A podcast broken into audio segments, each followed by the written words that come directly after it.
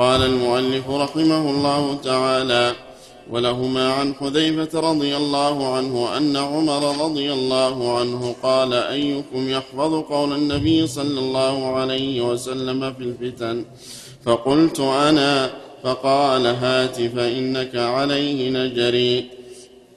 فقلت سمعته يقول فتنة الرجل في أهله وماله وولده وجاره تكفرها الصلاة والصيام والصدقة والأمر بالمعروف والنهي عن والنهي عن المنكر. فقال ليس هذا أريد إنما أريد التي تموج كموج البحر. فقلت ما لك ولها يا أمير المؤمنين؟ إن بينك وبينها بابا مغلقا. فقال أيفتح الباب أم يكسر؟ قلت بل يكسر. قال ذلك أجدر أن لا يغلق. فقلت لحذيفة أكان عمر يعلم من الباب؟ قال نعم كما يعلم أن دون غد الليلة. إني حدثته حديثا ليس بالأغاليط. فهبنا أن نسأله من الباب. فقلنا لمسروق اسأله. فقلنا لمسروق اسأله فسأله فقال عمر. بسم الله الرحمن الرحيم. الحمد لله رب العالمين. صلى الله وسلم على نبينا محمد وعلى آله وأصحابه أجمعين. حذيفة بن اليمان رضي الله تعالى عنه هو أمين سر الرسول صلى الله عليه وسلم. فكان الرسول صلى الله عليه وسلم يسر إليه شيئا لا يخبر به أصحابه. كان الصحابة يسألون حذيفة حتى عمر رضي الله عنه كان يسأل حذيفة لأنه هو المختص بذلك.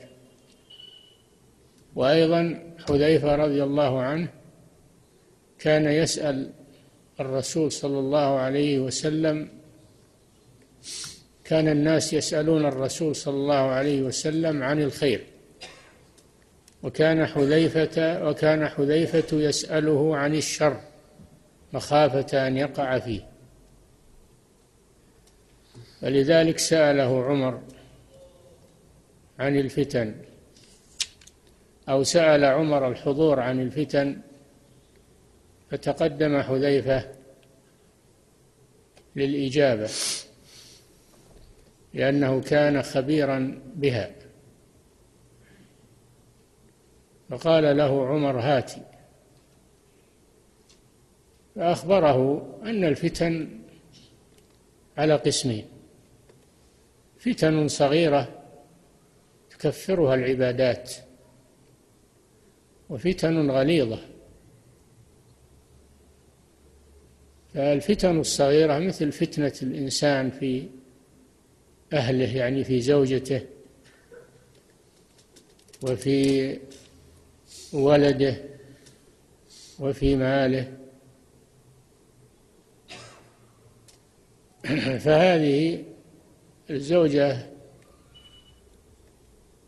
يفتتن فيها أو إذا كان له زوجات يميل إلى إحداهن. هذه الفتنة تكفرها الصلاة والصيام والعبادات. كذلك فتنته في ولده. قال تعالى إنما أموالكم وأولادكم فتنة. ففتنته في ولده فتنته في ماله قد ينشغل بولده وينشغل بماله عن طاعة الله. يحصل عليه نقص. لا تلهكم أموالكم ولا أولادكم عن ذكر الله. لكن هذه تكفرها العبادات من صلاة وغيرها. قال عمر لست عن هذا أسألك. أسأله عن الفتنة الغليظة التي تموج الناس فيحصل بسببها سفك للدماء واختلال بالأمن وشق لعصا الطاعة لأن الناس كانوا بعد وفاة النبي صلى الله عليه وسلم مجتمعين على خلافة أبي بكر. رضي الله عنه خلافة عمر رضي الله عنه فكان الشر مدحورا والخير ظاهرا في عهد الخليفتين. وقال ما لك ولها إن بينك وبينها بابا مغلقا. قال أو يفتح الباب أو يكسر قال يكسر. هذا شيء لا يعرف, لا يعرف معناه الحاضرون ولكن حذيفة وعمر يعلمان ما هو. الحاضرون لا يعلمون ما هو هذا الباب الذي يحول بين الفتن.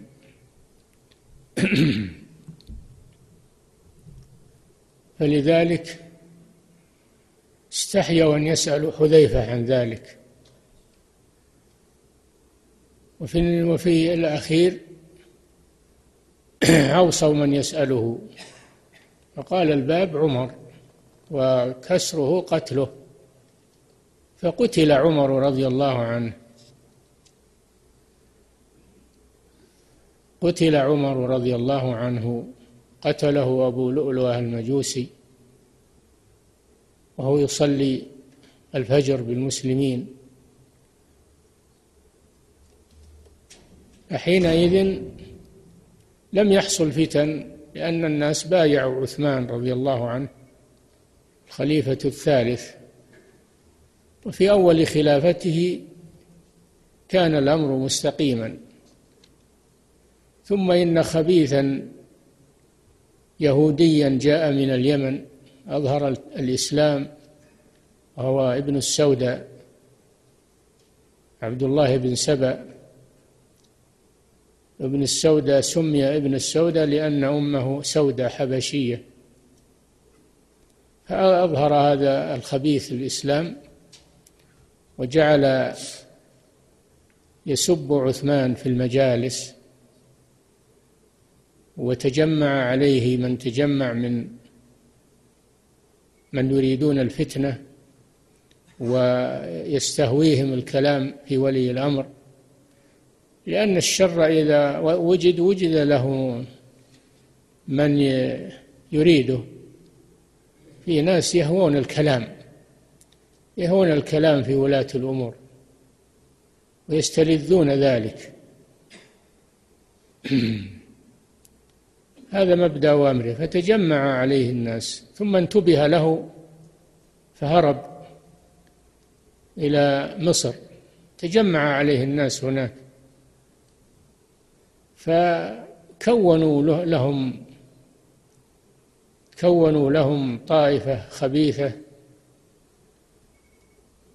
يريدون شق عصا الطاعة انتهى الأمر بقتل عثمان رضي الله عنه. هذه المرة الثانية. الأولى قتل عمر. انكسر الباب. ثم جاءت قضية قتل عثمان رضي الله عنه. وبقتله انفتح باب الشر على المسلمين. فتحت الفتنة. وحصلت الحروب.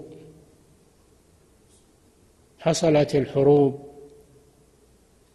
وبسبب عبد الله بن سبأ وأتباعه الذين يحرشون بين المسلمين ويوقدون الفتنة. وقتل في النهاية قتل علي بن أبي طالب رضي الله عنه خليفة الرابع تتابع قتل الخلفاء كله بسبب هذا الخبيث. وشلته الخبثاء الذين اجتمعوا حوله. وصاروا يحيكون الفتن. ثم إن الله جمع المسلمين على أمير المؤمنين معاوية رضي الله عنه. تنازل له الحسن بن علي رضي الله عنه. فتم الأمر لمعاوية واجتمع المسلمون وانسد على هؤلاء الأشرار انسد عليهم عملهم بحنكة وحكمة معاوية رضي الله عنه وعلاجه للأمور. وسمي هذا العام الذي تنازل فيه الحسن رضي الله عنه لمعاوية سمي عام الجماعة. اجتمع المسلمون. تحققت فيه معجزة رسول الله صلى الله عليه وسلم حينما قال في الحسن إن ابني هذا سيد وسيصلح الله به بين طائفتين عظيمتين من المسلمين.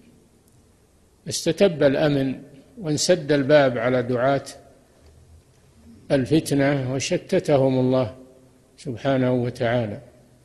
وما منهم إلا من قتل شر قتله. وعاقبه الله سبحانه وتعالى عاجلا. فهذا مضمون هذا الحديث. نعم. ولمسلم عن أبي بكره رضي الله عنه مرفوعا إنها ستكون فتن ألا ثم تكون فتنة القاعد فيها خير من الماشي. والماشي فيها خير من الساعي إليها. ألا فإذا نزلت أو وقعت فمن كان له إبل فليلحق بإبله ومن كان له غنم فليلحق بغنمه ومن كانت له أرض فليلحق بأرضه. فقال رجل يا رسول الله أرأيت من لم يكن له إبل ولا غنم ولا أرض؟ قال يعمد إلى سيفه فيدق على حده بحجر ثم لينجو إن استطاع النجاة ثم قال اللهم هل بلغت؟ قالها ثلاثا فقال رجل يا رسول الله أرأيت إن أكرهت حتى ينطلق بي إلى أحد الصفين؟ فيضربني رجل, رجل بسيفه أو يجيء سهم فيقتلني. قال يبوء بإثمك وإثمه فيكون من أصحاب النار. نعم. وهذا الحديث أيضا مفاده ومضمونه أنه إذا حصلت الفتنة بين المسلمين هناك فتن خاصة بالشخص وهي التي سبقت أنه يفتن في أهله وماله وجيرانه. هذه فتنة خاصة بالشخص. والنوع الثاني فتن عامة للمسلمين وهي ما يكون من اختلال الأمن وضياع الولاية شق عصا الطاعة. هذه هي الفتن الخطرة والفتن المهلكة. هذه يقول الرسول صلى الله عليه وسلم المسلم يتأنى يتأنى فيها ويتخلف عنها ولا يدخلها. القاعد فيها خير من القائم والقائم خير من الماشي والماشي خير من من بعده. تأني وأن الإنسان لا يدخل ويبعد نفسه عن الفتنة مهما أمكن. ويطلب النجاة. فإن كان له مصد يصد فيه عن الفتن ويبعد عنها في المكان. يبعد عنها في المكان. أولا يبعد عنها بنفسه فلا يستعجل ويدخل فيها. إذا كان في موطن الفتنة لا يدخل فيها. وإن حصل ثانيا إن حصل له ملجأ يبتعد فيه عن عن موطن الفتنة وينتقل من مكان الفتنة فليفعل. إن كان له إبل فليلحق بإبله في البر. كان له غنم يلحق بغنم. إن كان له أرض وزراعة يلحق بها حتى يعتزل الفتن. هذا كله هذا كله في النجاة من الفتن وأن المسلم يجتنب الفتن مهما استطاع ولا يدخل فيها.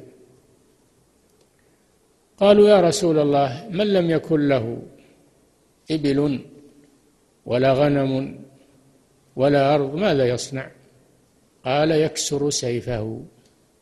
إذا كان عنده سيف وسلاح فإنه يتلفه. لئلا يدخل في الفتن يكسر سيفه. ولهذا لما جاءت الفتنة على أهل المدينة في عهد يزيد في وقعة الحرة جمع ابن عمر رضي الله عنه أهله ومن حوله ومنعهم من المشاركة في الفتن. سعد ابن أبي وقاص رضي الله عنه اعتزل الفتن وجلس في قصره في العقيق وغيرهما من كبار صحابة رسول الله أن اعتزلوا الفتنة مهما أمكنهم. فهذا الحديث يدل على أن المسلم يبتعد عن الفتن مهما استطاع ولا يدخل فيها. سأله رجل أنه إن ذهب به قهرا عليه إن ذهب به إلى القتال بين الطائفتين من المسلمين. ذهب به قهرا عليه أجبر على هذا. ماذا؟ ثم قتل. أصابه سهم أو طعنة أو رمية فمات. فقال الذي قتلك يبوء بإثمك وإثمه كما قال تعالى في ابني آدم اللذين قتل أحدهما الآخر إني أريد أن تبوء بإثمي وإثمك فتكون من أصحاب النار. وذلك جزاء الظالمين. فهذا كله يدل على أن الإنسان يكف يده في الفتن بين المسلمين. لأن القتال بين المسلمين ليس القتال بين المسلمين والكفار. حتى يكون مع المسلمين على الكفار. إنما هذا قتال بين المسلمين. فهو إذا دخل فيها عززها وقواها وأيضا يقتل قد يقتل من المسلمين يسفك من دماء المسلمين. فهذه فتنة. وكل ما ابتعد عنها الإنسان فإذا كثر كثر المبتعدون عنها خمدت الفتنة. أما إذا دخل فيها المسلم ودخل الآخر والآخر فإن الفتنة تعظم حينئذ ويكون وقودها المسلمون. فإذا كان هناك قتال بين المسلمين المسلم يعتزل مهما استطاع ذلك. نعم. وهذا يدل على حرمة دم المسلم كما يأتي في الباب الذي بعده. حرمة دم المسلم وأن الإنسان يبتعد عن سفك دم المسلم مهما استطاع. حتى لو أن المسلم اعتدى عليه يكف هو عنه. يكف عنه. فيكون كابني آدم اللذين ذكر الله قصتهما في القرآن الكريم. أن الإنسان يكف يده عن الفتنة مهما أمكن. حتى ولو أدى ذلك إلى أنه يقتل. إذا لم يكن هو البادي فإن الإثم يكون على على من بدأ الفتنة. نعم. ولابن ماجه عن سعد قلت يا رسول الله أرأيت إن دخل علي بيتي وبسط إلي يده ليقتلني؟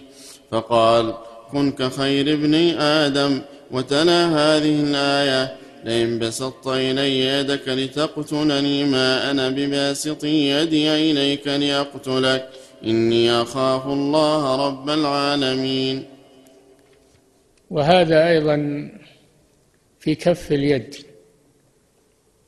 إذا جاء مسلم ليقتله إذا جاء مسلم ودخل عليه بيته ليقتله فخير له أن يكف يده. عنه هذا خير له. وإن قتله دفعا للصائل فهذا قد أذن فيه الشارع. أذن الشارع للمسلم أن يدافع عن نفسه.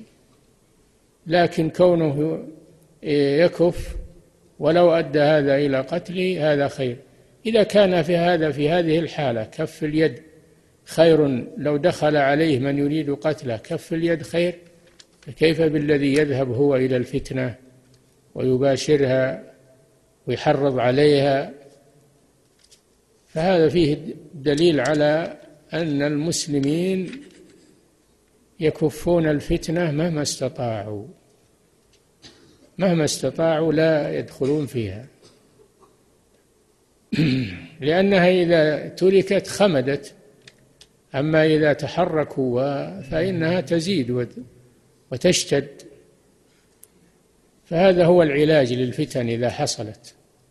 هذا هو العلاج للفتن إذا حصلت أن الإنسان يبعد نفسه عنها. فإذا ابتعد عنها فلان وفلان وفلان وكثر المبتعدون خمدت.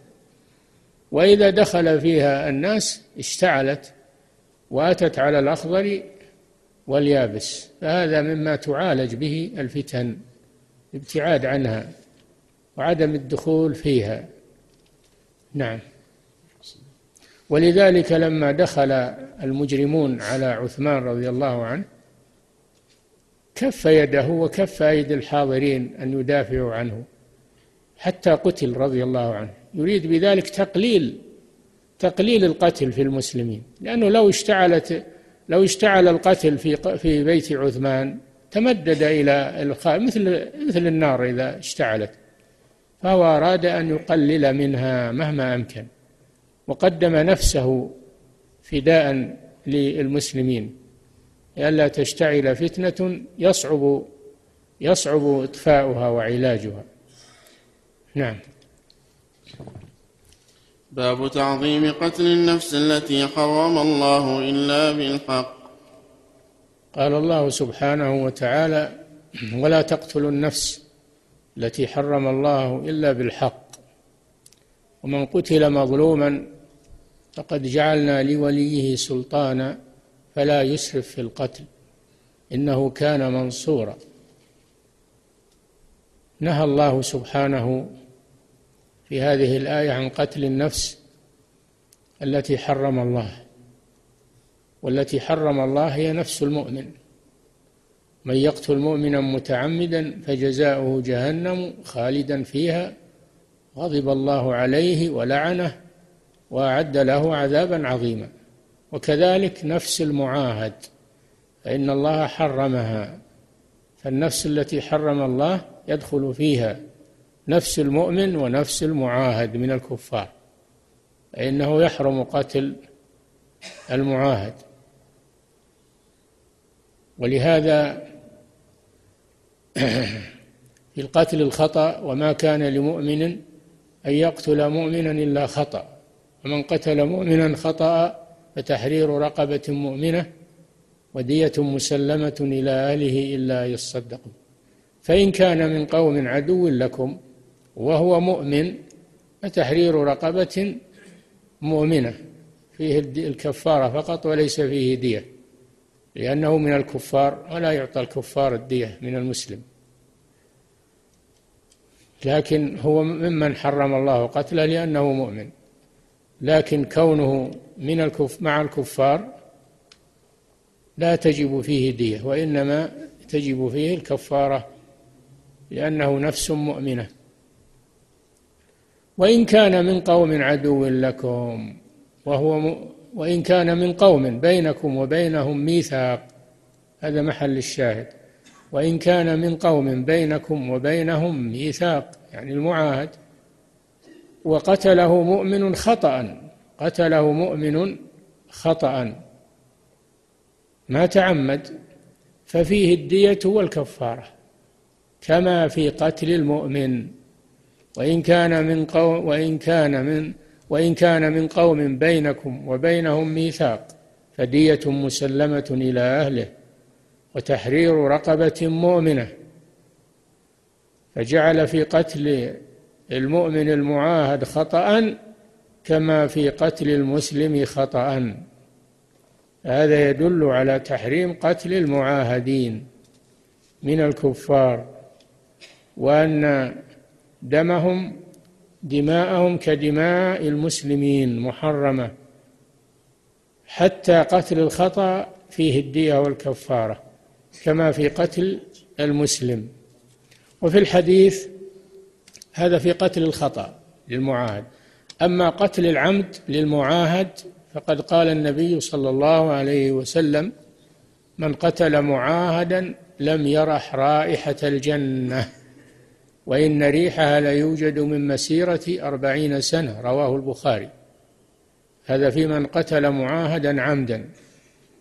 لا يرى لا يرح رائحة الجنة. نسأل الله العافية. وهذا وعيد شديد. فهذا كله يدخل في قوله تعالى ولا تقتلوا النفس التي حرم الله إلا بالحق والحق هو ما يبيح قتلها كالقصاص. وكالثيب الزاني وكالمرتد التارك لدينه المفارق للجماعة فهذا قتل بحق. نعم. عن سالم بن عبد الله بن عمر رضي الله عنه قال يا أهل العراق ما أسألكم عن الصغيرة وأركبكم للكبيرة سمعت أبي يقول سمعت رسول الله صلى الله عليه وسلم يقول إن الفتنة تجيء من ها هنا وأومأ بيده نحو المشرق من حيث من حيث يطلع قرن الشيطان. وأنتم يضرب بعضكم رقاب بعض وإنما قتل موسى الذي قتل من آل فرعون خطأ. فقال الله تعالى له وقتلت نفسا فنجيناك من الغم وفتناك فتونا. رواه مسلم. نعم. هذا سالم بن عبد الله بن عمر رضي الله عنهم جميعا. سأله أهل العراق عن دم البعوض هل هو نجس؟ فقال يا أهل العراق ما أسألكم عن الصغيرة؟ وأركبكم للكبيرة. تسألون عن دم البعوض وأنتم تقتلون المؤمنين. ما ما أسألكم عن الصغيرة وأركبكم للكبيرة.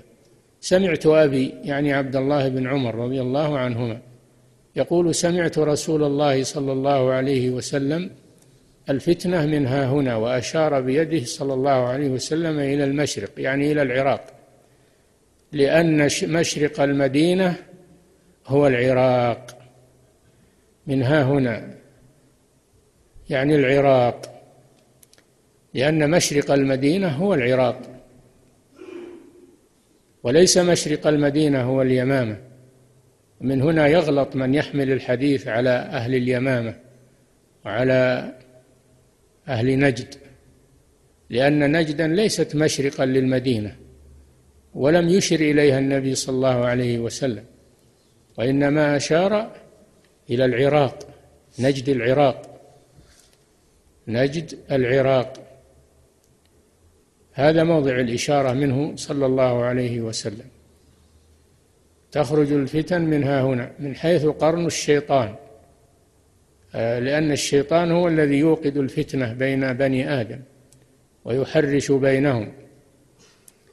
فعبد الله سالم بن عبد الله بن عمر أنكر على أهل العراق تشددهم في النجاسة وتساهلهم في قتل النفس التي حرم الله إلا بالحق. أعيد الحديث. عن سالم بن عبد الله بن عمر رضي الله عنه قال يا أهل العراق ما أسألكم عن الصغيرة وأركبكم للكبيرة نعم. سمعت أبي يقول سمعت رسول الله صلى الله عليه وسلم يقول إن الفتنة تجيء منها هنا. إن الفتنة إن الفتنة وهي سفك الدماء والفتنة بين المسلمين تجيء من ها هنا وأشار بيده إلى المشرق. وكان هذا ينطبق على العراق لأنه مشرق المدينة. والواقع أيضا فإن العراق نشأت منه الفتن. نشأت منه الفتن الحرورية و ومن من تابعهم اشتعال الحروب في العراق بين المسلمين بسبب الخوارج بين علي رضي الله عنه وبين الخوارج. فالفتن إنما تجي من قبل العراق. هذا ما أخبر عنه صلى الله عليه وسلم. وهذا من معجزاته عليه الصلاة والسلام. نعم. إن الفتنة تجيء من ها هنا وأومى بيده نحو المشرق. نعم. من حيث يطلع قرن الشيطان. نعم. وأنتم يضرب بعضكم رقاب بعض. وأنتم يا أهل العراق يضرب بعضكم رقاب بعض في الفتنة التي حصلت في العراق من ظهور الخوارج والمعارك التي صارت بين المسلمين بسببهم. نعم. وإنما قتل موسى الذي قتل من آل فرعون خطأ. موسى عليه السلام قصته مذكورة في القرآن وهي أنه هو نشأ عليه الصلاة والسلام في بيت فرعون رباه فرعون وغذاه بما يغذي به بيته. وهذا من تسخير الله سبحانه وتعالى. هذا من تسخير الله. أنه أنه كان يحذر من أن يظهر عليه أحد من بني إسرائيل فأراد الله أنه هو الذي يربي عدوه.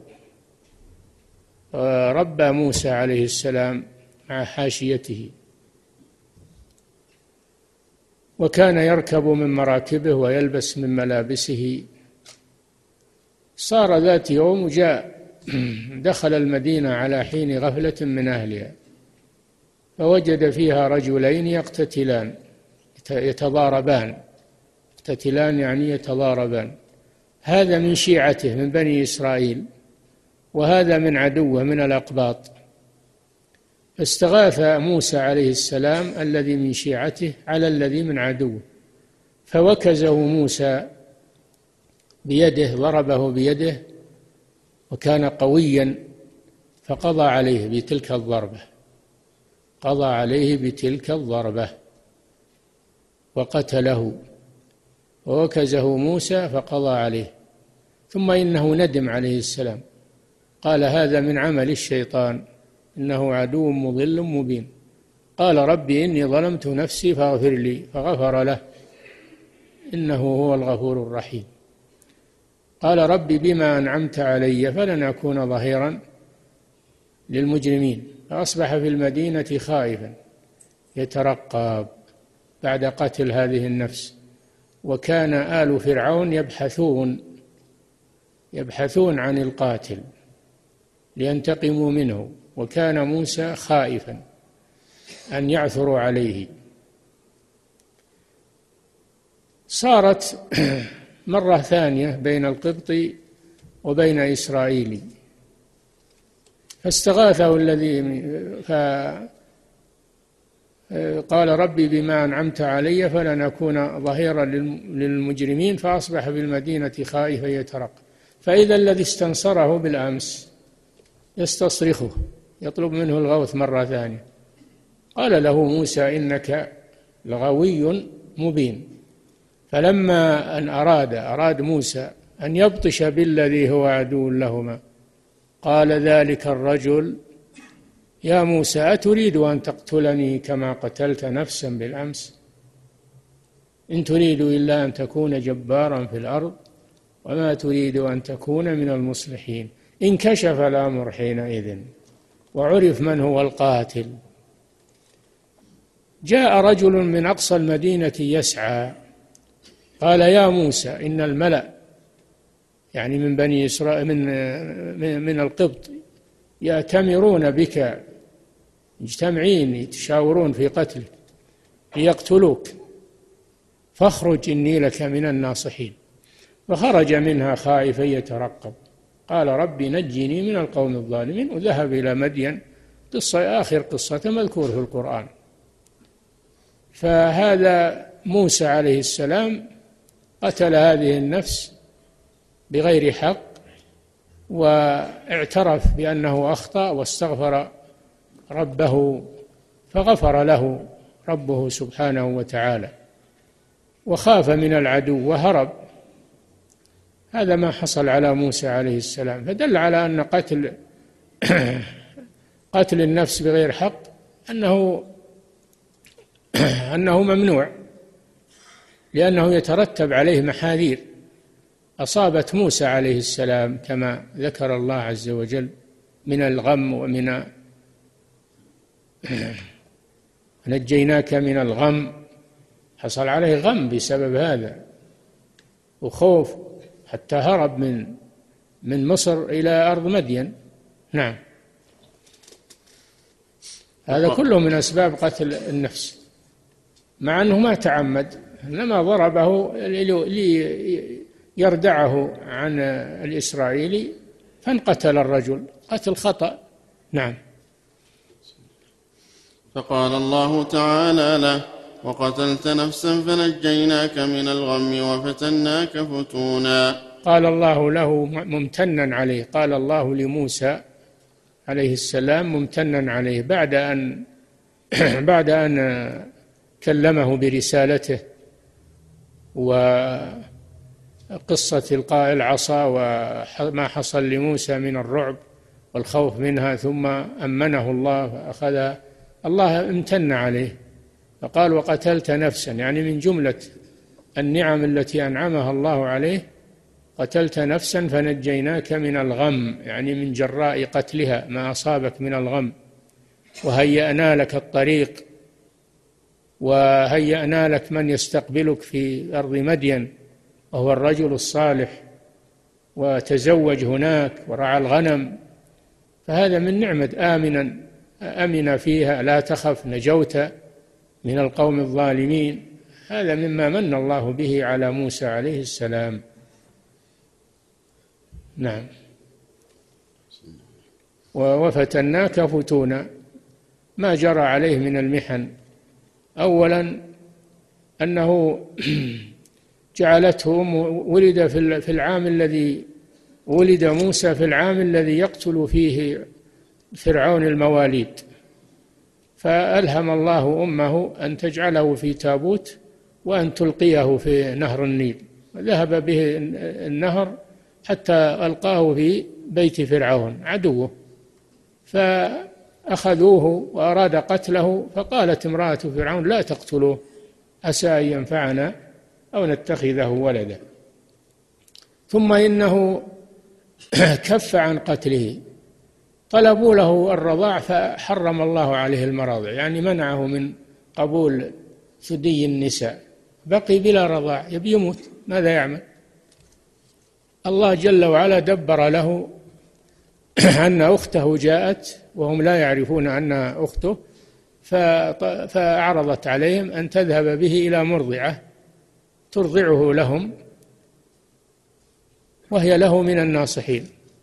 فقبلوا ذلك لأنهم وقعوا في ضيق من شأن هذا الطفل. ذهبوا به ورجعه الله إلى أمه. ترضعه وتأخذ الأجرة. تقر عينها ولا تحزن.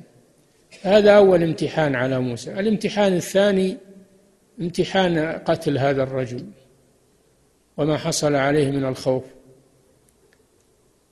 الامتحان الثالث خوفه وهربه من خروجه من مصر ومن بيت الثروة والغنى وهربه إلى أرض مدين. وفتناك فتونا فتن كلها وامتحانات وابتلاءات جرت على موسى عليه السلام. نعم. فلبثت سنين في أهل مدين ثم جئت على قدر. هذا كلام الله له عند بعثته رسولا إلى بني إسرائيل. نعم. ولهما عن المقداد رضي الله عنه قلت يا رسول الله أرأيت إن التقيت أنا ورجل من الكفار فاقتتلنا فضرب إحدى يدي بالسيف فقطعها ثم لاذ مني بشجرة فقال أسلمت لله أقتله قال لا تقتل فإنك إن قتلته فإنه بمنزلتك قبل أن تقتله وأنت بمنزلته قبل أن يقول كلمته التي قالها. وهذا أيضا مما يدل على تحريم قتل المسلم حتى ولو كان إسلامه حديثا. فهذا يسأل النبي صلى الله عليه وسلم لو التقى مع كافر في الجهاد فقطع الكافر يد المسلم. ثم بعدما قطعها وأراد المسلم أن ينتقم منه قال الرجل أسلمت. قال آمنت وأسلمت.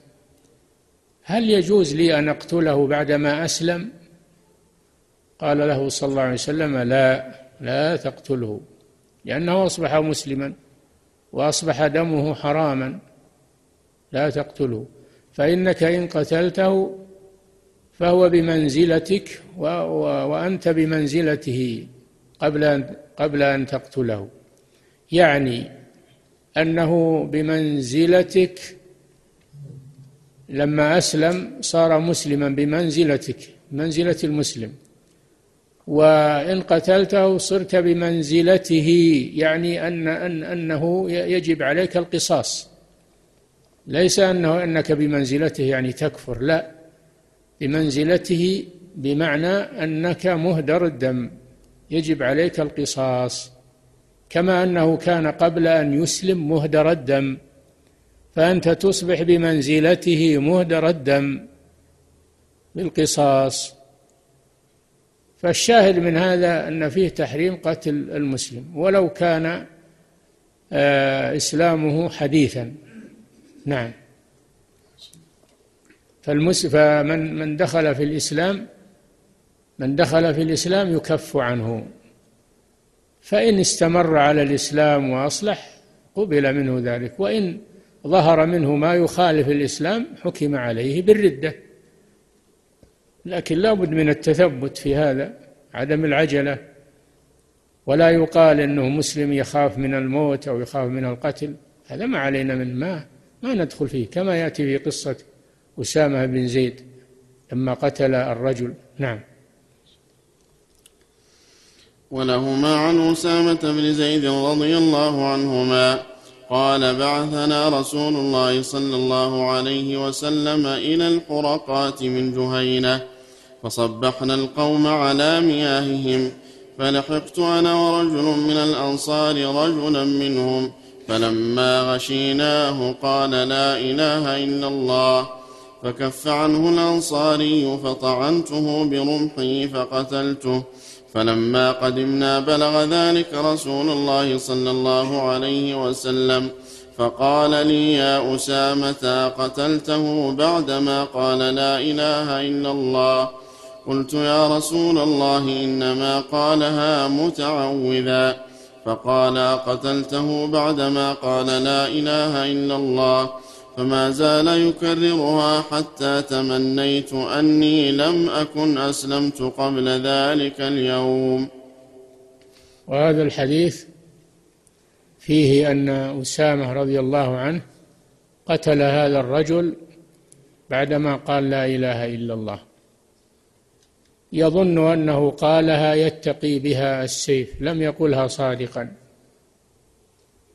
هذا الذي حمل أسامة على قتله ظنا منه أنه إنما قالها نفاقا يريد أن يسلم من القتل.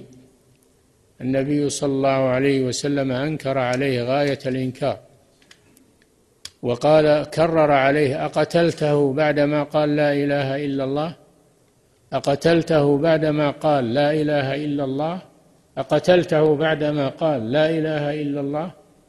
قال إنما قالها يتقي بها السيف يا رسول الله. قال هل لا شققت عن قلبه؟ فهذا إنكار من الرسول صلى الله عليه وسلم لقتل من أظهر الإسلام. ولا يقال إنه أظهره نفاقا. ما لنا الا الظاهر ما ما نعلم ما في البواطن. أشققت عن قلبه؟ فلا ندخل في البواطن إنما نعمل بالظواهر. هو أعلن الإسلام وشهد أن لا إله إلا الله نكف عنه حتى يتبين منه ما يخالف ذلك. قال تعالى يا أيها الذين آمنوا إذا ضربتم في سبيل الله فتبينوا يعني تثبتوا. ولا تقولوا لمن ألقى إليكم السلام لست مؤمنا. الواجب التثبت وعدم السرعة التسرع في والتدخل في النيات وما في القلوب هذا إلى الله سبحانه وتعالى. فمن أعلن الإسلام قبلنا منه وكففنا عنه. فإن ظهر منه ما يخالف الإسلام حكمنا عليه بالردة. وإن لم يظهر منه ما يخالف الإسلام فهو مسلم ظاهرا وباطنا. فهذا فيه تحريم قتل المسلم ولو كان حديث عهد بالإسلام. نعم. وفي رواية أنه قال أفلا شققت عن قلبه نعم. ولمسلم أنه قال يا رسول الله استغفر لي. فقال كيف تصنع بلا إله إلا الله إذا جاءت يوم القيامة؟ استعظم النبي صلى الله عليه وسلم هذه الفعلة من أسامة بن زيد رضي الله عنه مع أنه من أحب الناس إلى الرسول صلى الله عليه وسلم وأبوه من أحب الناس إلى رسول الله صلى الله عليه وسلم ومع هذا أنكر عليه هذا الإنكار ليعلم المسلمين عدم التسرع في التكفير. الآن كثير من الجهال والمتحمسين يحكمون بالتكفير لأدنى سبب وهم لا يعلمون ما في القلوب ولا ما ما هي النيات والمقاصد. يجب التثبت في هذا الأمر وعدم التسرع في التكفير وأخذ الناس بدون تثبت. هذا درس عظيم هذا الحديث درس عظيم لهؤلاء المكفرين. التكفيريين الذين يتسرعون في إطلاق التكفير على الناس لأدنى سبب وهم لا يعلمون ولا يعرفون شروط التكفير وضوابط التكفير لا يعرفونها. نعم. وللبخاري عن ابن عمر رضي الله عنهما مرفوعا. لا يزال العبد في فسحة من دينه ما لم يصب دما حراما. نعم. هذا فيه أن المسلم في سلامة وعافية. المسلم في سلامة وعافية بسبب دينه وإسلامه ما لم يصب دما حراما فإنه يقع حينئذ يقع حينئذ في الابتلاء والامتحان وهو الذي أوقع نفسه فهذا فيه فيه فيه النهي عن سفك الدم الحرام كما عقد الشيخ رحمه الله في أول الباب باب قتل النفس بغير حق. فهذا وكما قال تعالى ولا تقتلوا النفس التي حرم الله إلا بالحق. فإذا أصاب المسلم دما حراما وقع حينئذ في الخطر. وقع في الخطر وتحمل الإثم والعقوبة. أما قبل أن يقتل فهو في عافية وفي فسحة من دينه. فهذا فيه الحث على على احترام دماء المسلمين ودماء المعاهدين التي حرمها الله سبحانه وتعالى وحرمها رسوله صلى الله عليه وسلم. نعم. باب تكثير السواد في الفتن. يكفي نقف عند هذا. نعم. أحسن الله إليكم على الشيخ وبارك فيكم ونفع بعلمكم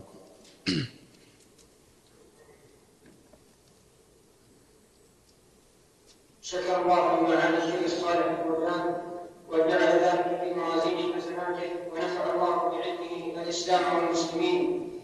ونستأذن فضيلته في طرح أسئلة الإخوة الحضور في المناطق ونبدأ بالمدينة النبوية من جامع من جامع الجامعة الإسلامية فليتفضل الأخ حبيب الرحمن بقراءة أسئلة الإخوة هنا.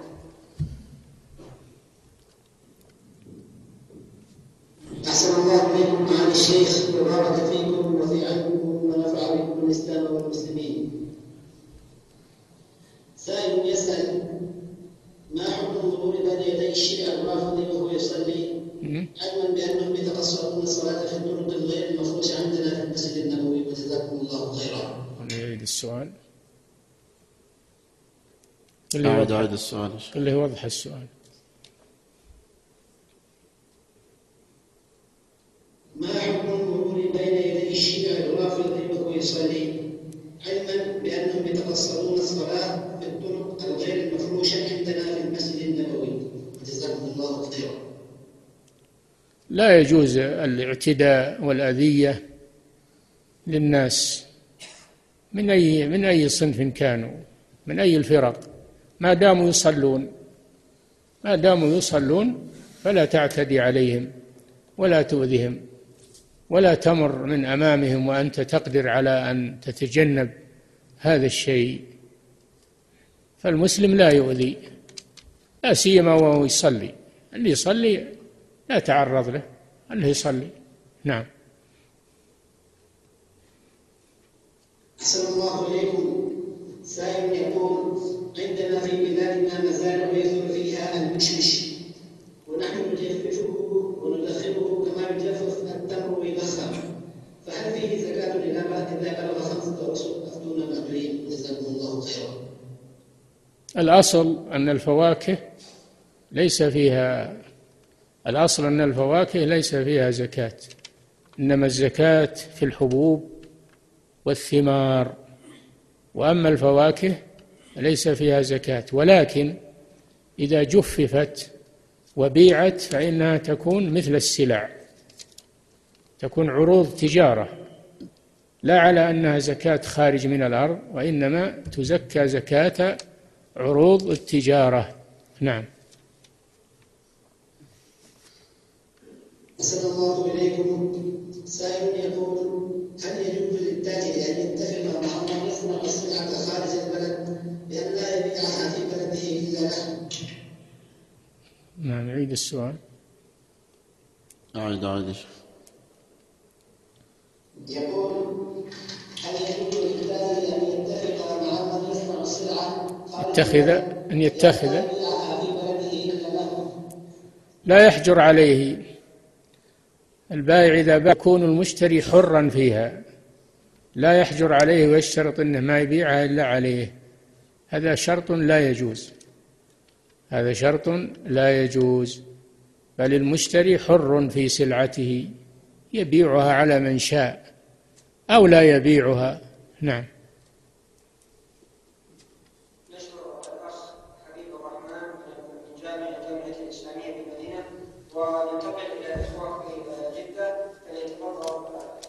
أحسن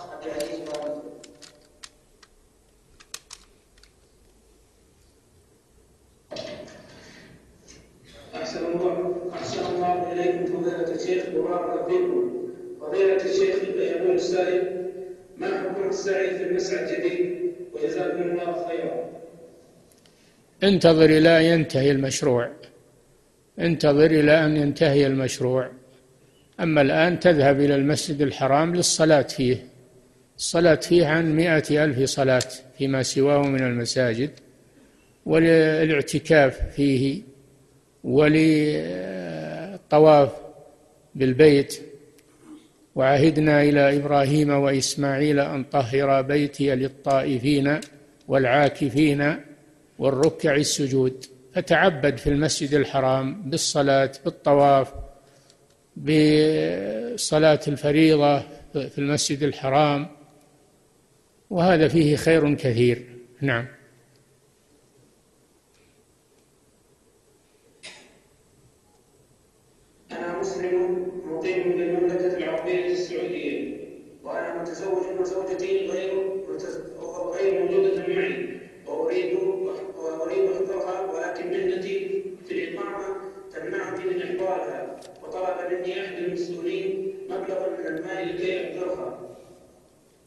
ولا ولكن إيش اللي يمنعه؟ ما هو اللي يمنعه من إحضارها؟ النظام ما يسمح. هذه مسألة تتبع النظام. هذه مسألة تتبع النظام. فإذا سمح لك النظام بإحضارها تحضرها. أما إذا لم يسمح لك النظام فلا يجوز لك الرشوة. هذه المبلغ الذي ذكرته هذا يكون من الرشوة. والرشوة محرمة. فلا تخرج عن النظام. نعم.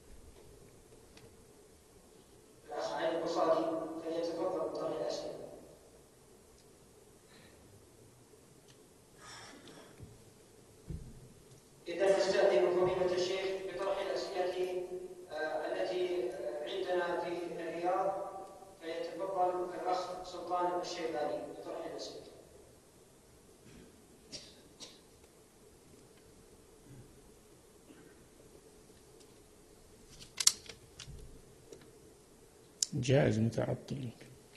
الجائز متعطل. في الرياض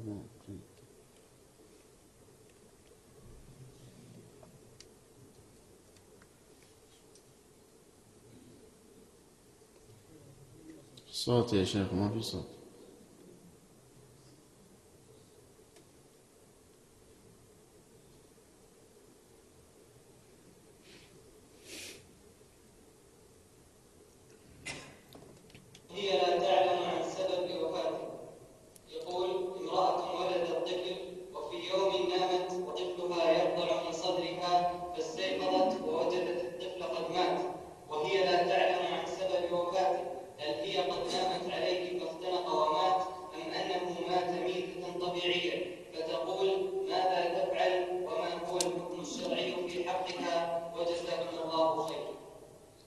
إذا كانت متسببة في وفاته إما بأنها انقلبت عليه أو أنها وضعت عليه غطاء سميكا وحبس نفسه أو أنها تركت الثدي في فمه فخنق نفسه ونامت وهو في فمه فإنها في هذه الأحوال يكون عليها كفارة الخطأ وهي عتق رقبة فإن لم تجد فإنها تصوم شهرين متتابعين.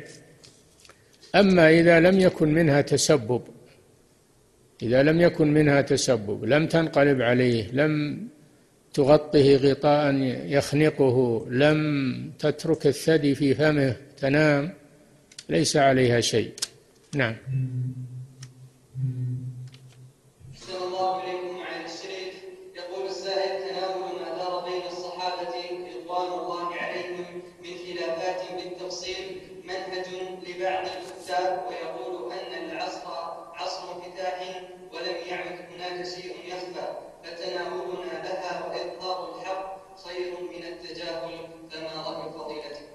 هذا ضلال ومخالف لعقيدة أهل السنة والجماعة. من أصول أهل السنة والجماعة الكف والإمساك عما دار بين الصحابة رضي الله عنهم وعدم الدخول فيه. هذا من أصول العقيدة. فهذا الجاهل يقول هذه المقالة السيئة. يريد أن يقلل من شأن الصحابة وأن يفتح على الناس باب ذم الصحابة وتخطئتهم فهذا جاهل أو مضلل نسأل الله العافية. ولا يجوز الكلام هذا. هذا كلام مخالف لمذهب أهل السنة والجماعة في قضية ما شجر بين الصحابة. نعم.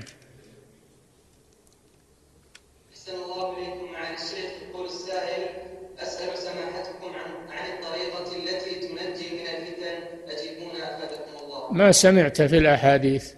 اعتزال الفتن عدم الدخول والمشاركة فيها وأيضا الدعوة إلى الله والتحذير من الفتن تحذير الناس من الدخول فيها وتهدئة الأمور تهدئة الأمور مهما أمكن والإصلاح.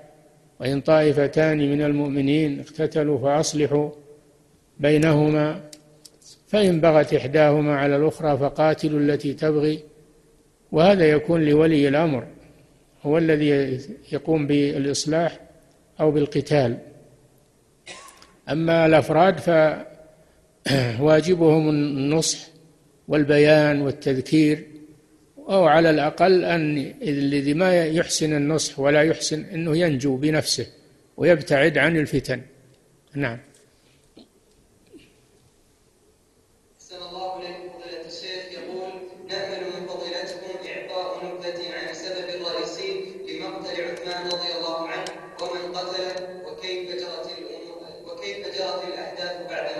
سمعت هذا أثناء الدرس أنها عصابة اجتمعت من أتباع بن سبأ اليهودي فحاصروه في بيته بحجة أنهم يريدون المفاهمة معه.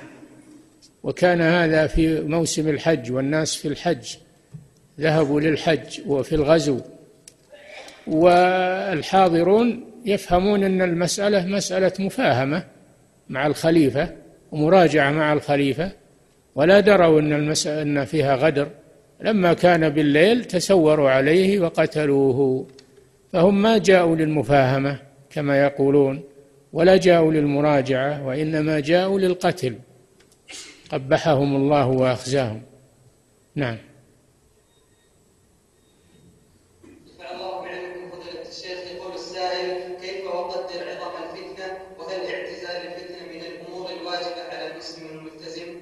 الذي لا يكون منه إصلاح لا يكون منه إصلاح وتهدئة للفتنة ونشر للعلم يعتزل. أما الذي عنده استعداد للإصلاح ونشر العلم والتذكير فهذا يدخل لأجل الإصلاح بين الناس كف يد بعضهم عن بعض. نعم.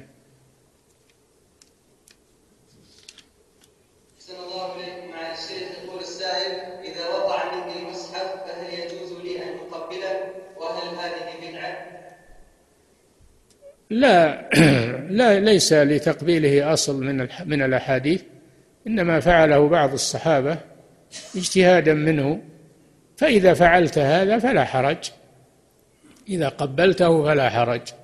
نعم.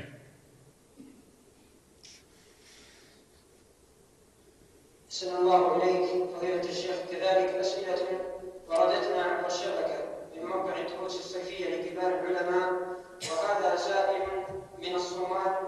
يقول أحسن الله لكم صاحب الفضيلة ما حكم الإكثار من شرب القهوة؟ القهوة المراد بها البن. إذا كان المراد بها البن فأشرب منها وأكثر ما في مانع. إلا إذا كان في الإكثار منها ضرر عليك اتركها. أما إذا لم يكن منها ضرر فلا مانع. نعم. أحسن الله إليك. هذا سائل إمام مسجدنا لا يحافظ على صلاة الفجر في المسجد وكثيرا ما يتخلف عن ما حكم الصلاة خلفه إذا ثبت أنه يقصر صلاة الفجر حتى إذا كان يتعمد هذا تعمد إخراج الصلاة عن وقتها فلا تصلوا خلفه. أما إذا كان لا يتعمد وإنما يأخذه النوم أو الكسل فهذا لا يصلح أن يبقى إماما. صلوا خلفه لكن اسعوا في تبديله وتغييره بإمام يصلح للإمامة ويصلي في, في الوقت. نعم.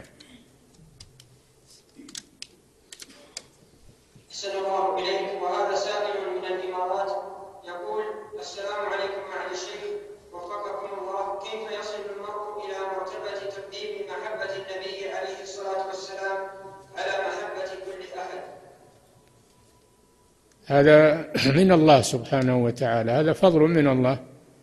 هو يحاول ويبذل الأسباب التي تحمله على محبة الرسول صلى الله عليه وسلم. يتأمل يتأمل في بعثته وما من الله به على المسلمين من إخراجهم من الظلمات إلى النور. يتأمل في أخلاقه عليه الصلاة والسلام. يدرس سيرته هذه أسباب لمحبته صلى الله عليه وسلم. لأنك كل ما عرفت الرسول صلى الله عليه وسلم زادت محبتك له وكل ما جهلته نقصت المحبة. نعم أحسن الله إليك وهذا سائل يقول عندما أكون في اختبار لمادة دينية فهل أعتبر أفتي بلا علم عند نسيان الإجابة وكتابة ما يظهر لي؟ هذا إذا مثلا قلت إن هذا حلال أو هذا حرام هذا من القول على الله بغير علم. يتوقف عن الإجابة. إذا سئلت عن شيء هل هو حلال أو حرام وأنت ما عندك معرفة فتوقف عن هذا. قل لا أدري ولا تقل هذا حلال وهذا حرام. ولا تقولوا لما تصف ألسنتكم الكذب هذا حلال وهذا حرام. أو سئلت عن أمر العقيدة وأنت ليس عندك جواب في أمر العقيدة فلا تدخل فيها بجهل. أما إذا سئلت عن أمور لا يترتب عليها ضرر لا في العقيدة ولا في التحليل والتحريم فتقول أظن ما تقول أجزم تقول أظن أن المسألة كذا أو أتوقع أنها كذا وكذا. نعم. إليك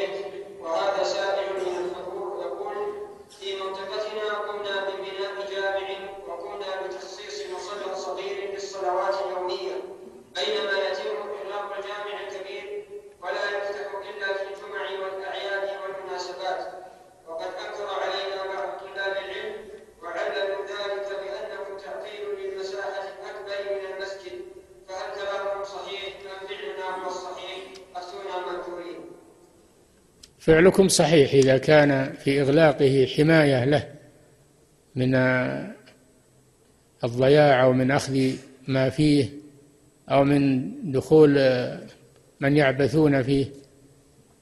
وأنتم تصلون في مسجد يسعكم عندكم مسجد للأوقات يسعكم ويكون المسجد الجامع يكون للجمعة وللأعياد لا بأس بذلك. لكن لو احتجتم إلى دروس احتجتم إلى تدريس قرآن احتجتم إلى والمصلى للأوقات يضيق. افتحوا الجامع لأجل هذا. نعم. السلام الله إليكم وهذا سائل يقول هل يجوز الذهاب إلى مكان فيه فتنة؟ هل يجوز؟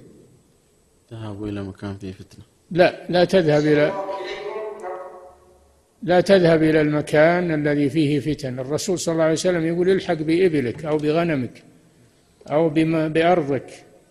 فكيف تذهب إلى مكان فيه فتن؟ نعم؟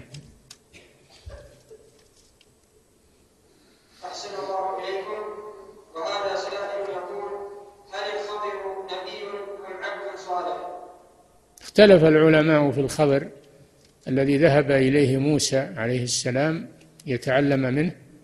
هل هو نبي أو رجل صالح؟ الراجح أنه رجل صالح وليس نبيا. الله لم يقل نبي قال عبدا من عبادنا ولم يقل إنه نبي. ومن العلماء من يرى أنه نبي لأن ما أتى به معجزات لا تجري إلا على يد نبي. ومن هؤلاء الشيخ عبد العزيز بن باز رحمه الله يرى أنه من الأنبياء والله أعلم. نعم أحسن الله إليك وهذا سائل يقول هل صلاة الإشراق جماعة أم فردية؟ وهل هي سرية أم جهرية؟ لا صلاة ما في صلاة إشراق صلاة الضحى. صلاة الضحى ليست جماعية. لم يرد أنها تصلى جماعة.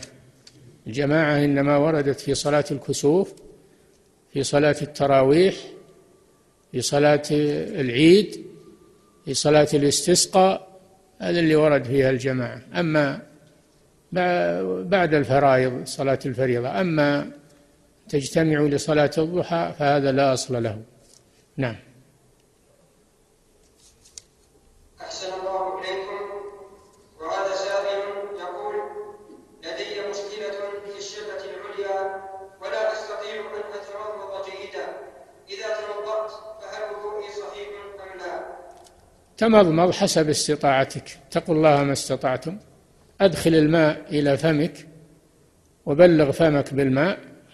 حسب استطاعتك. نعم.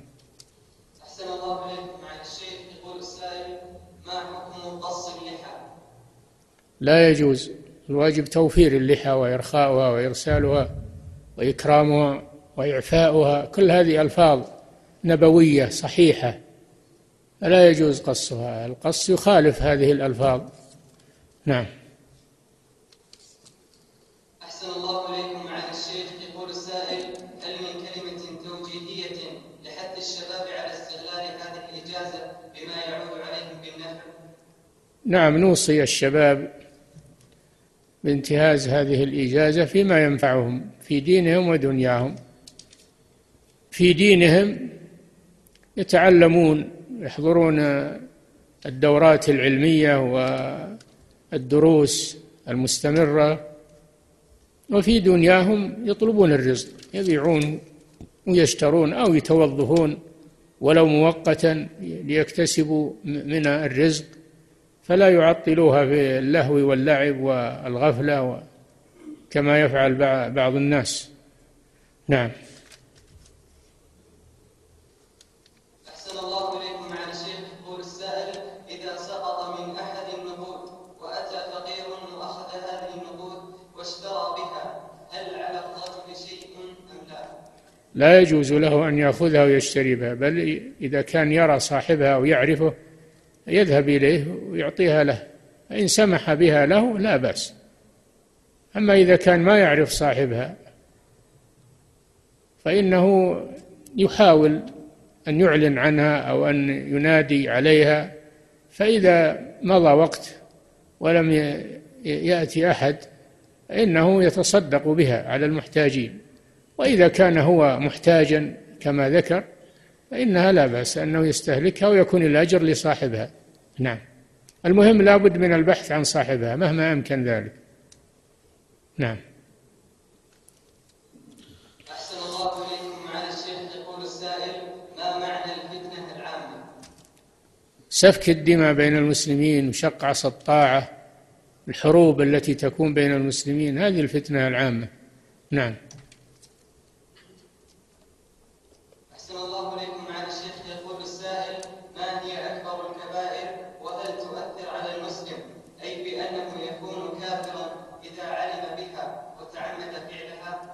أكبر الكبائر الشرك بالله. وإذا تعمد فعل الشرك بالله صار كافرا. نسأل الله العافية. نعم. أحسن الله عن الشيخ. يقول السائل هل يوجد اليوم إمام واحد الذي هو الإمام العظيم؟ أين هو؟ هذا يدعيه بعض الذين يريدون الفتنة. يريدون الفتنة. الإمام الواحد ما حصل بعد سقوط الدولة العباسية ما حصل إمام واحد. صار المسلمون دول كل دولة لها حكمها ولها صلاحياتها ولا حصل إنكار من العلماء في هذا الأمر وقالوا لازم أنكم تجتمعون ولا ما حصل. كل دولة لها حكمها ولها صلاحياتها و يجب على من في داخلها أن يسمعوا ويطيعوا لإمامهم. اتقوا الله ما استطعتم. إذا لم يمكن توحيد المسلمين على إمام واحد فلا أقل من أن يكونوا دولا إسلامية. كل دولة تحكم بكتاب الله وبسنة رسول الله وتقيم الإسلام في بلدها. تقيم الإسلام في بلدها. نعم.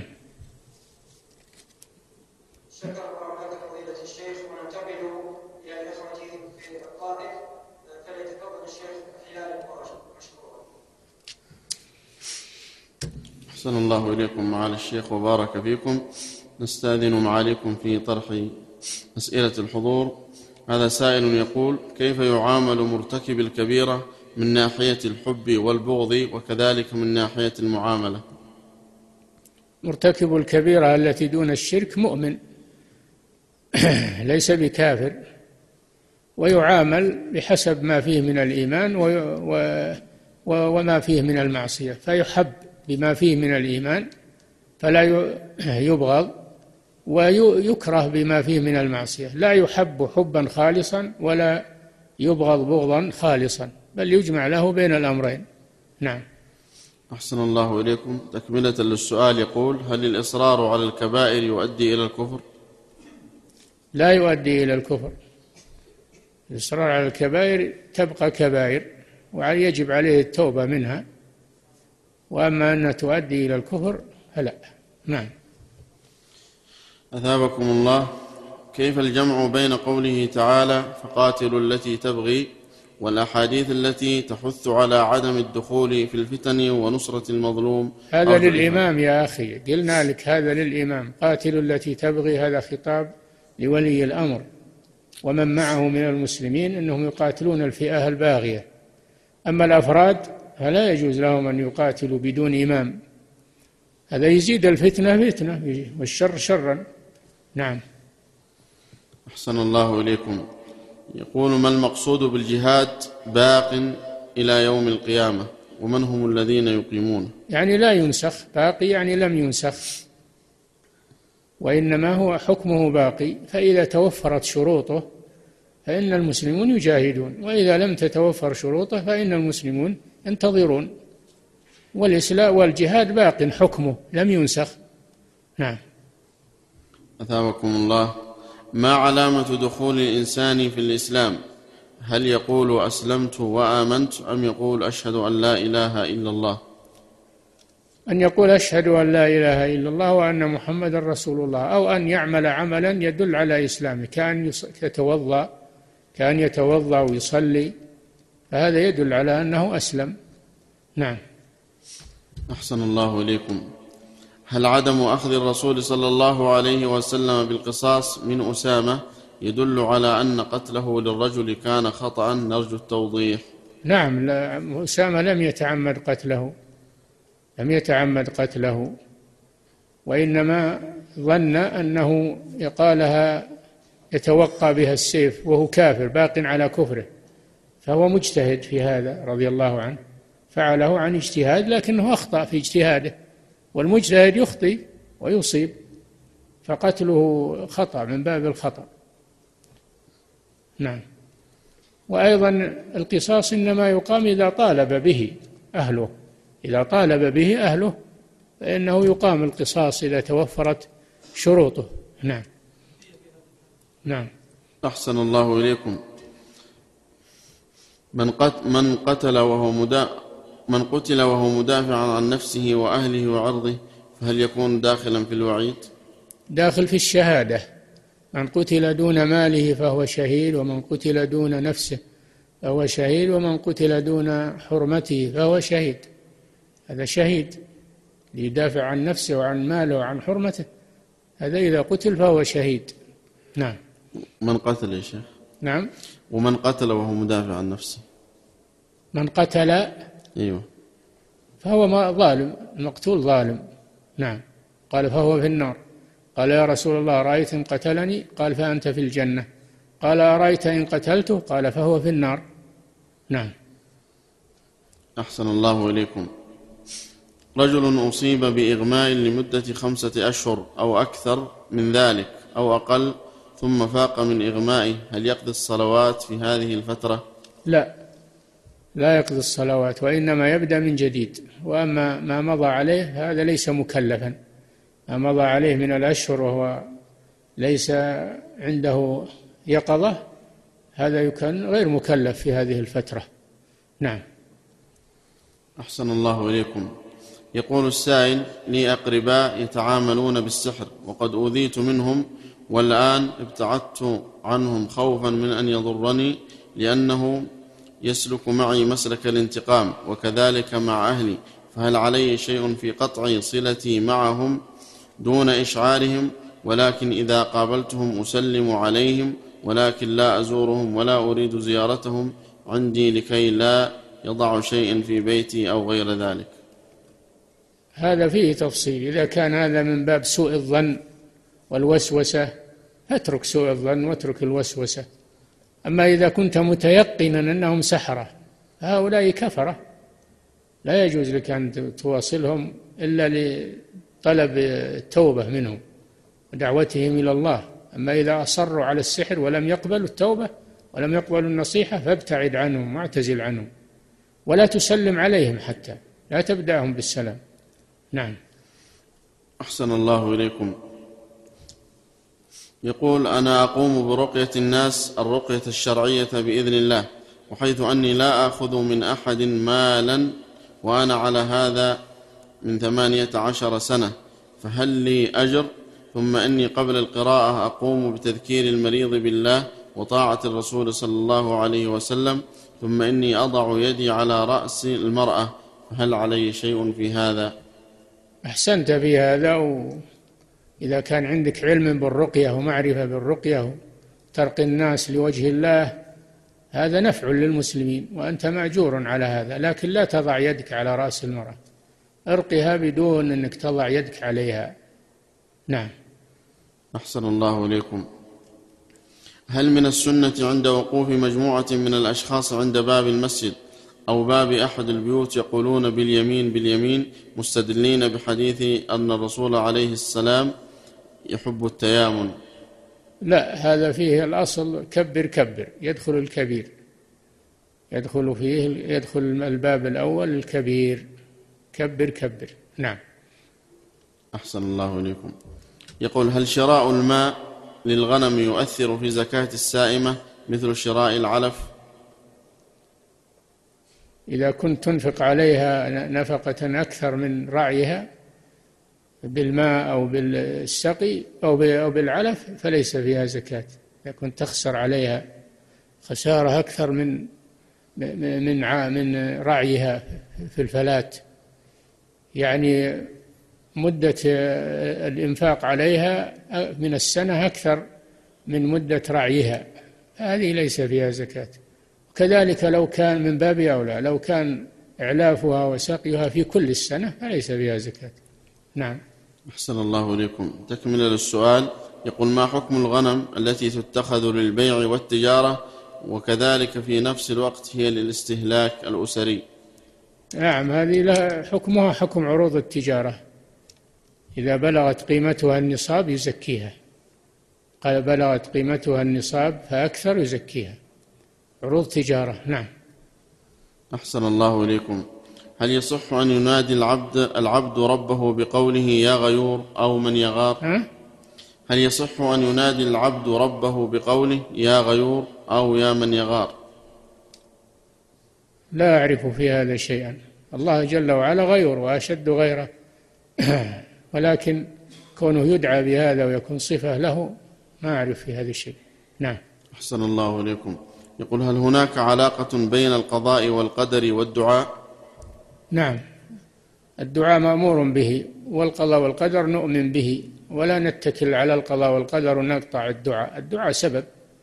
وقد أمرنا باتخاذ الأسباب مع الإيمان بالقضاء والقدر. نعم. أحسن الله إليكم.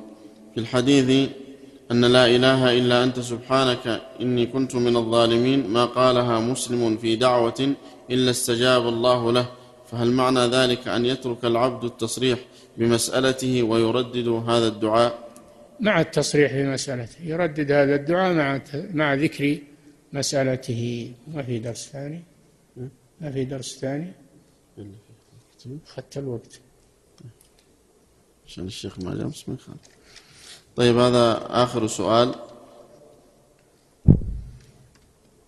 نعم. أحسن الله إليكم. يقول أحب أن أحصل على منحة دراسية في إحدى الجامعات خارج المملكة وهي منحة مجانية تدفع للسفارات لكن بعض السفارات تبيع هذه المنح بمبالغ باهظة. فهل إذا دفعت هذه المبالغ يكون من الرشوة المنهي عنها؟ هذه مسألة سياسية ونظامية ولا ندخل فيها. نعم. أحسن الله إليكم وبارك فيكم وصلى الله وسلم على نبينا محمد.